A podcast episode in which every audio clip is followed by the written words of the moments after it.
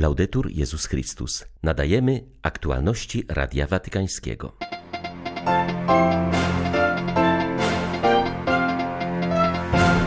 Również nowe charyzmaty szybko się starzeją, trzeba je wcielać w nowe sytuacje, mówił papież na spotkaniu z przedstawicielami kościelnych ruchów i wspólnot.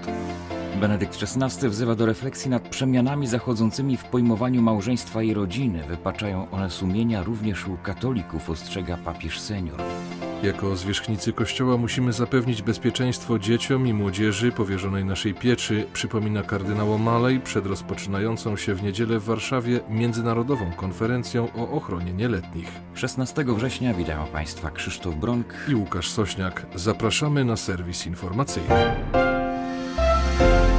Nawet nowości szybko się starzeją. Charyzmaty, którymi żyjecie, trzeba na nowo wcielać w bieżące sytuacje, rezygnując z przestarzałych sposobów działania i myślenia oraz nieskutecznych metod apostolstwa. Te słowa papież Franciszek skierował do uczestników międzynarodowego spotkania na temat odpowiedzialności władz w grupach świeckich. Spotkanie zostało zorganizowane przez Watykańską Dykasterię do Spraw Świeckich, Rodziny i Życia. Wzięli w nim udział odpowiedzialni za stowarzyszenia wiernych, ruchy kościelne i nowe wspólnoty z całego świata. Część osób w audiencji z papieżem uczestniczyła zdalnie. Franciszek wskazał, że pilnym wyzwaniem wciąż pozostaje odczytywanie na nowo charyzmatów pozostawionych przez założycieli. Nawiązał też do wydanego w czerwcu dekretu Stolicy Apostolskiej, który wymaga między innymi rotacyjności w kierownictwie stowarzyszeń. Wskazał, że temat ten bardzo leży mu na sercu w związku z wieloma wypaczeniami, które były zawsze zakorzenione w różnych nadużyciach władzy. questi anni è dovuta intervenire Nierzadko stolica apostolska musiała w ostatnich latach interweniować, inicjując trudne procesy odnowy. Myślę nie tylko o tych strasznych sytuacjach, które robią wiele hałasu, ale także o chorobach, które wynikają z osłabienia charyzmatu założycielskiego, który staje się letni i traci swoją zdolność przyciągania. Stanowiska kierownicze powierzone wam w grupach świeckich, do których należycie, nie są niczym innym jak wezwaniem do służby. Przy wielu okazjach miałem okazję wskazać na dwie przeszkody. Pierwszą z nich jest rządza władzy. Także w kontekście życia konsekrowanego istnieją instytuty zakonne, które zatrzymując na stanowiskach kierowniczych te same osoby, nie przygotowały się na przyszłość. Pozwoliły, by wkradły się nadużycia i przeżywają obecnie wielkie trudności. Jest jeszcze jedna przeszkoda w prawdziwej służbie chrześcijańskiej nielojalność. Spotykamy się z tym, gdy ktoś chce służyć Panu, ale jednocześnie jednocześnie służy innym rzeczom, które nie są z Pana. To jest podwójna gra. Wpadamy w pułapkę nielojalności, gdy przedstawiamy się innym jako jedyni interpretatorzy charyzmatu, wyłączni spadkobiercy naszego stowarzyszenia czy ruchu. Nikt nie jest Panem darów otrzymanych dla dobra Kościoła. Nikt nie powinien ich tłumić. Nessuno deve soffocarli, lasciar crescere. Również człowiek ma naturę, jej naruszanie bądź negowanie prowadzi do samozniszczenia, ostrzega Benedykt XVI w refleksji na temat konsekwencji przemian, jakie zachodzą w pojmowaniu małżeństwa i rodziny.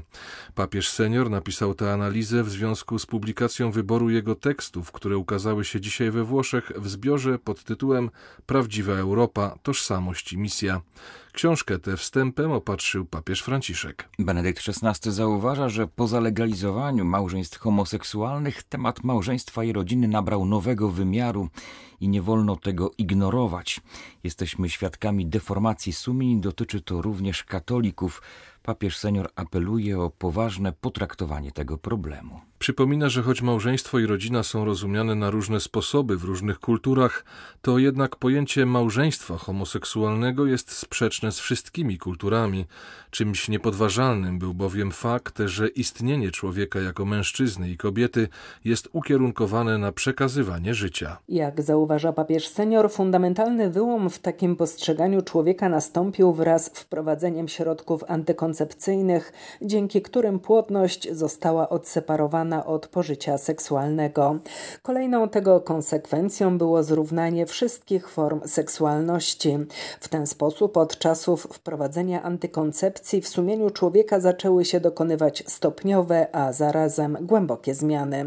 Z drugiej strony, jeśli pożycie płciowe zostało odseparowane od płodności, to również dobrze płodność można odseparować od seksualności, aby poczęcie człowieka nie dokonywało się już w akcie miłości, lecz by był on zaplanowany i produkowany w sposób racjonalny. Dziś procent ten jest w pełni rozwoju, pisze papież senior, zastrzegając, że w ten sposób człowiek przestaje już być darem, a staje się produktem. Zarazem, jak zauważa Benedykt XVI, to, co zostało wyprodukowane, można też zniszczyć. W tym sensie narastająca tendencja do planowania własnej śmierci poprzez samobójstwo jest integralnym elementem tego trendu. Konkludując, papież senior zauważa, że w kwestii tzw. Tak małżeństw homoseksualnych nie chodzi o to, czy się jest bardziej otwartym czy zamkniętym. Stawką jest tutaj człowiek, pytanie o jego tożsamość jako stworzenia lub produktu. Benedykt XVI ostrzega, że jeśli zgodzimy się na to, że człowiek jest produktem, to tym samym pozbawimy go jego godności. Papieska wizyta na Słowacji była ogromną zachętą do przemiany społeczeństwa siłą Ewangelii. Franciszek wskazał na znaczenie międzyludzkiego braterstwa oraz konieczność dialogu i chrześcijańskiego świadectwa dla budowania pokojowej przyszłości. Podsumowując papieską pielgrzymkę, wskazuje na to arcybiskup Cyryl Wasyl. Hierarcha, który był sekretarzem Watykańskiej Kongregacji dla Kościołów Wschodnich, a obecnie jest ordynariuszem eparchii koszyckiej dla katolików obrządku bizantyjskiego, zauważa, że Słowacy odczuli, iż papież przyjechał do wszystkich, bez wyjątku. Podkreśla też, że papieska wizyta może przyczynić się do pogłębiania tożsamości grekokatolików. Papież przewodniczył bizantyjskiej boskiej liturgii. Celebrowana była z wielką pobożnością, oddając całe piękno rytu bizantyjskiego.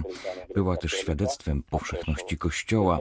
Mimo trzech wcześniejszych wizyt na Słowacji Jana Pawła II, była to pierwsza taka liturgia na słowackiej ziemi pod przewodnictwem papieża była pięknym świadectwem tego, że już oddychamy dwoma płucami wschodu i zachodu. Mocnym wydarzeniem były też odwiedziny na blokowisku Romów, których uznaje się za problem społeczny. Oni żyją na peryferiach miasta, ale i naszej społeczności. Wizyta Franciszka była zachętą do zmiany tego stanu rzeczy ze strony państwa, ale i zachętą dla samych Romów, by dążyli do większej integracji. Wszyscy jesteśmy braci, to ważne przesłanie, które z tego miejsca popłynęło. encontro. Papieska podróż, a w szczególności wspólna modlitwa na zakończenie kongresu eucharystycznego, była dla nas Węgrów znakiem nadziei i odrodzenia. Tak zakończoną wczoraj podróż apostolską na Węgry i Słowację komentuje sekretarz generalny węgierskiego episkopatu. Podkreśla on, że cytując po węgiersku pierwsze słowa hymnu narodowego, Ojciec Święty przywołał tysiącletnie chrześcijańskie korzenie tego kraju i zachęcił do rozwoju tego dziedzictwa jako daru braterstwa dla świata. Wspominając papieską wizytę, ksiądz Tamas Tot zauważa, że dla Węgrów była to okazja, by ukazać światu prawdziwe oblicze ich kraju, aby wszyscy mogli zobaczyć, jacy jesteśmy naprawdę jako naród i Kościół. Przyznaje on, że niekiedy czyta się wiadomości o Węgrach, które nie mają pokrycia w rzeczywistości. Mogliśmy pokazać, że Kościół na Węgrzech jest żywy, dynamiczny i gotowy wyjść na zewnątrz, jak o tym mówi Ojciec Święty, by żyć w świecie jako chrześcijanie i bracia. Podkreśla on, że kongres eucharystyczny i msza z papieżem to szczególny dar w kontekście pandemii. Tak wiele osób mogło się wreszcie spotkać i razem się modlić, dodał sekretarz generalny episkopatu. Zapewnił, że pomimo postępującej sekularyzacji na Węgrzech silna jest jeszcze tradycja chrześcijańska. Rodzina jest u nas postrzegana jako wielka wartość i punkt odniesienia, a władza i społeczeństwo obywatelskie starają się ją chronić. W niedzielę w Warszawie rozpocznie się regionalne spotkanie na temat ochrony dzieci i młodzieży przed wykorzystywaniem seksualnym. Wezmą w nim udział przedstawiciele episkopatów i osób pracujących w obszarze ochrony nieletnich z 20 krajów Europy Środkowo-Wschodniej. Celem konferencji jest wymiana doświadczeń i zainicjowanie wspólnych działań w zakresie zapobiegania wykorzystywaniu seksualnemu osób małoletnich. Jako liderzy kościelni musimy być zaangażowani zawsze i wszędzie w zapewnienie bezpieczeństwa dzieciom powierzonym naszej opiece duszpasterskiej, napisał w komunikacie papieskiej Komisji do Spraw Ochrony Osób Małoletnich jej przewodniczący kardynał Sean Patrick O'Malley. Konferencja nie tylko przeanalizuje stan odpowiedzi Kościoła na kryzys wykorzystywania seksualnego w naszej części świata, ale będzie też próbą przyjrzenia się trudnościom w walce z tym zjawiskiem. Jej celem jest też wspólne budowanie kultury ochrony najbardziej bezbronnych, powiedział ksiądz Hans Zollner, watykański specjalista od problemu nadużyć. Głównym celem spotkania jest pokazanie, że Kościół jest zainteresowany realną walką z nadużyciami we wszystkich częściach świata. Ochrona dzieci i młodzieży wymaga od wszystkich kościołów lokalnych intensywnego wysiłku i nie skończy się szybko. Cieszymy się, że w niektórych krajach uniwersytety katolickie we współpracy z naszym Instytutem Antropologii Papieskiego Uniwersytetu Gregoriańskiego zorganizowały szkolenia dla duszpasterzy z zakresu ochrony nieletnich. Jednak choć mówimy wiele o odpowiednim traktowaniu ofiar i wprowadzaniu środków zapobiegawczych, to część z tych rzeczy wciąż pozostaje na papierze. Dlatego w wielu krajach konieczne jest zrealizowanie tego, co zostało ustalone w kwestii ochrony nieletnich. Podczas tej konferencji chcemy uczulać i naciskać na wdrażanie rozwiązań, a także wzmacniać wolę zrobienia wszystkiego, aby nieletni byli chronieni w kościele i w społeczeństwie. Białoruski rząd skrytykował opublikowaną przez Mińską Prawdę karykaturę przedstawiającą katolickich księży, którzy zamiast krzyży noszą na szyjach swastyki. Jednocześnie ostrzegł przywódców kościoła, aby nie łamali obowiązujących w tym kraju praw, donosi brytyjskie czasopismo The Tablet. Rysunek nie odzwierciedla oficjalnego stanowiska państwa wobec kościoła rzymskokatolickiego, przyznał pełnomocnik rządu do spraw religii w liście skierowanym do przewodniczącego białoruskiego episkopatu. Dodał jednak, iż państwo białoruskie oczekuje, że księża katoliccy będą kierować się obowiązującym prawem, przyczyniając się do współpracy między państwem a Kościołem. Wcześniej rzecznik Kościoła katolickiego na Białorusi ocenił, że wydawana przez władze obwodu mińskiego gazeta swoją publikacją pluje w twarz milionom katolików, którzy żyją na Białorusi. Podkreślił, że karykatura, propagując w takim kontekście symbolikę nazistowską, obraża również wszystkich chrześcijan. Na rysunku jeden z księży trzyma w ręku historyczną flagę narodową, która stała się symbolem protestu przeciwko sfałszowaniu wyborów prezydenckich w ubiegłym roku i śpiewa pieśń, którą tępią reżimowe władze. Opublikowano także tekst, który sugeruje, że zarówno hymn, jak i symbole narodowe to atrybuty kolaborantów z czasów II wojny światowej, odpowiedzialnych za zbrodnie na ludności cywilnej. W czasie ubiegłorocznych protestów duchowni Kościoła katolickiego krytykowali regresję i przemoc ze strony władz, wzywając do dialogu społecznego. Białoruskie władze twierdzą, że Kościół katolicki na Białorusi stanął po stronie protestów, które przedstawiają jako ekstremizm i rewolucję inspirowaną z Zachodu. Przed przyszłorocznymi wyborami w Kenii biskupi tego kraju zabronili politykom prowadzenia kampanii w kościołach. Kościół jest ponad polityką, powiedział arcybiskup Martin Kiwuwa, przewodniczący kenijskiego episkopatu. Podczas konferencji prasowej hierarchowie wyrazili sprzeciw wobec przemawiania podczas mszy. Według nich politycy nadużywają w ten sposób miejsc kultu i starają się zamienić kościoły w pole kampanii politycznych. Przewodniczący konferencji biskupów katolickich Kenii dodał, że duchowni mają zapewnić, aby kościoły nie były wykorzystywane przez przywódców do realizacji ich programu politycznego.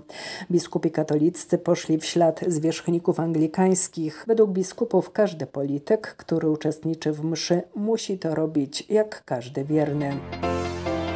Były to aktualności Radia Watykańskiego. Laudetur Jezus Chrystus.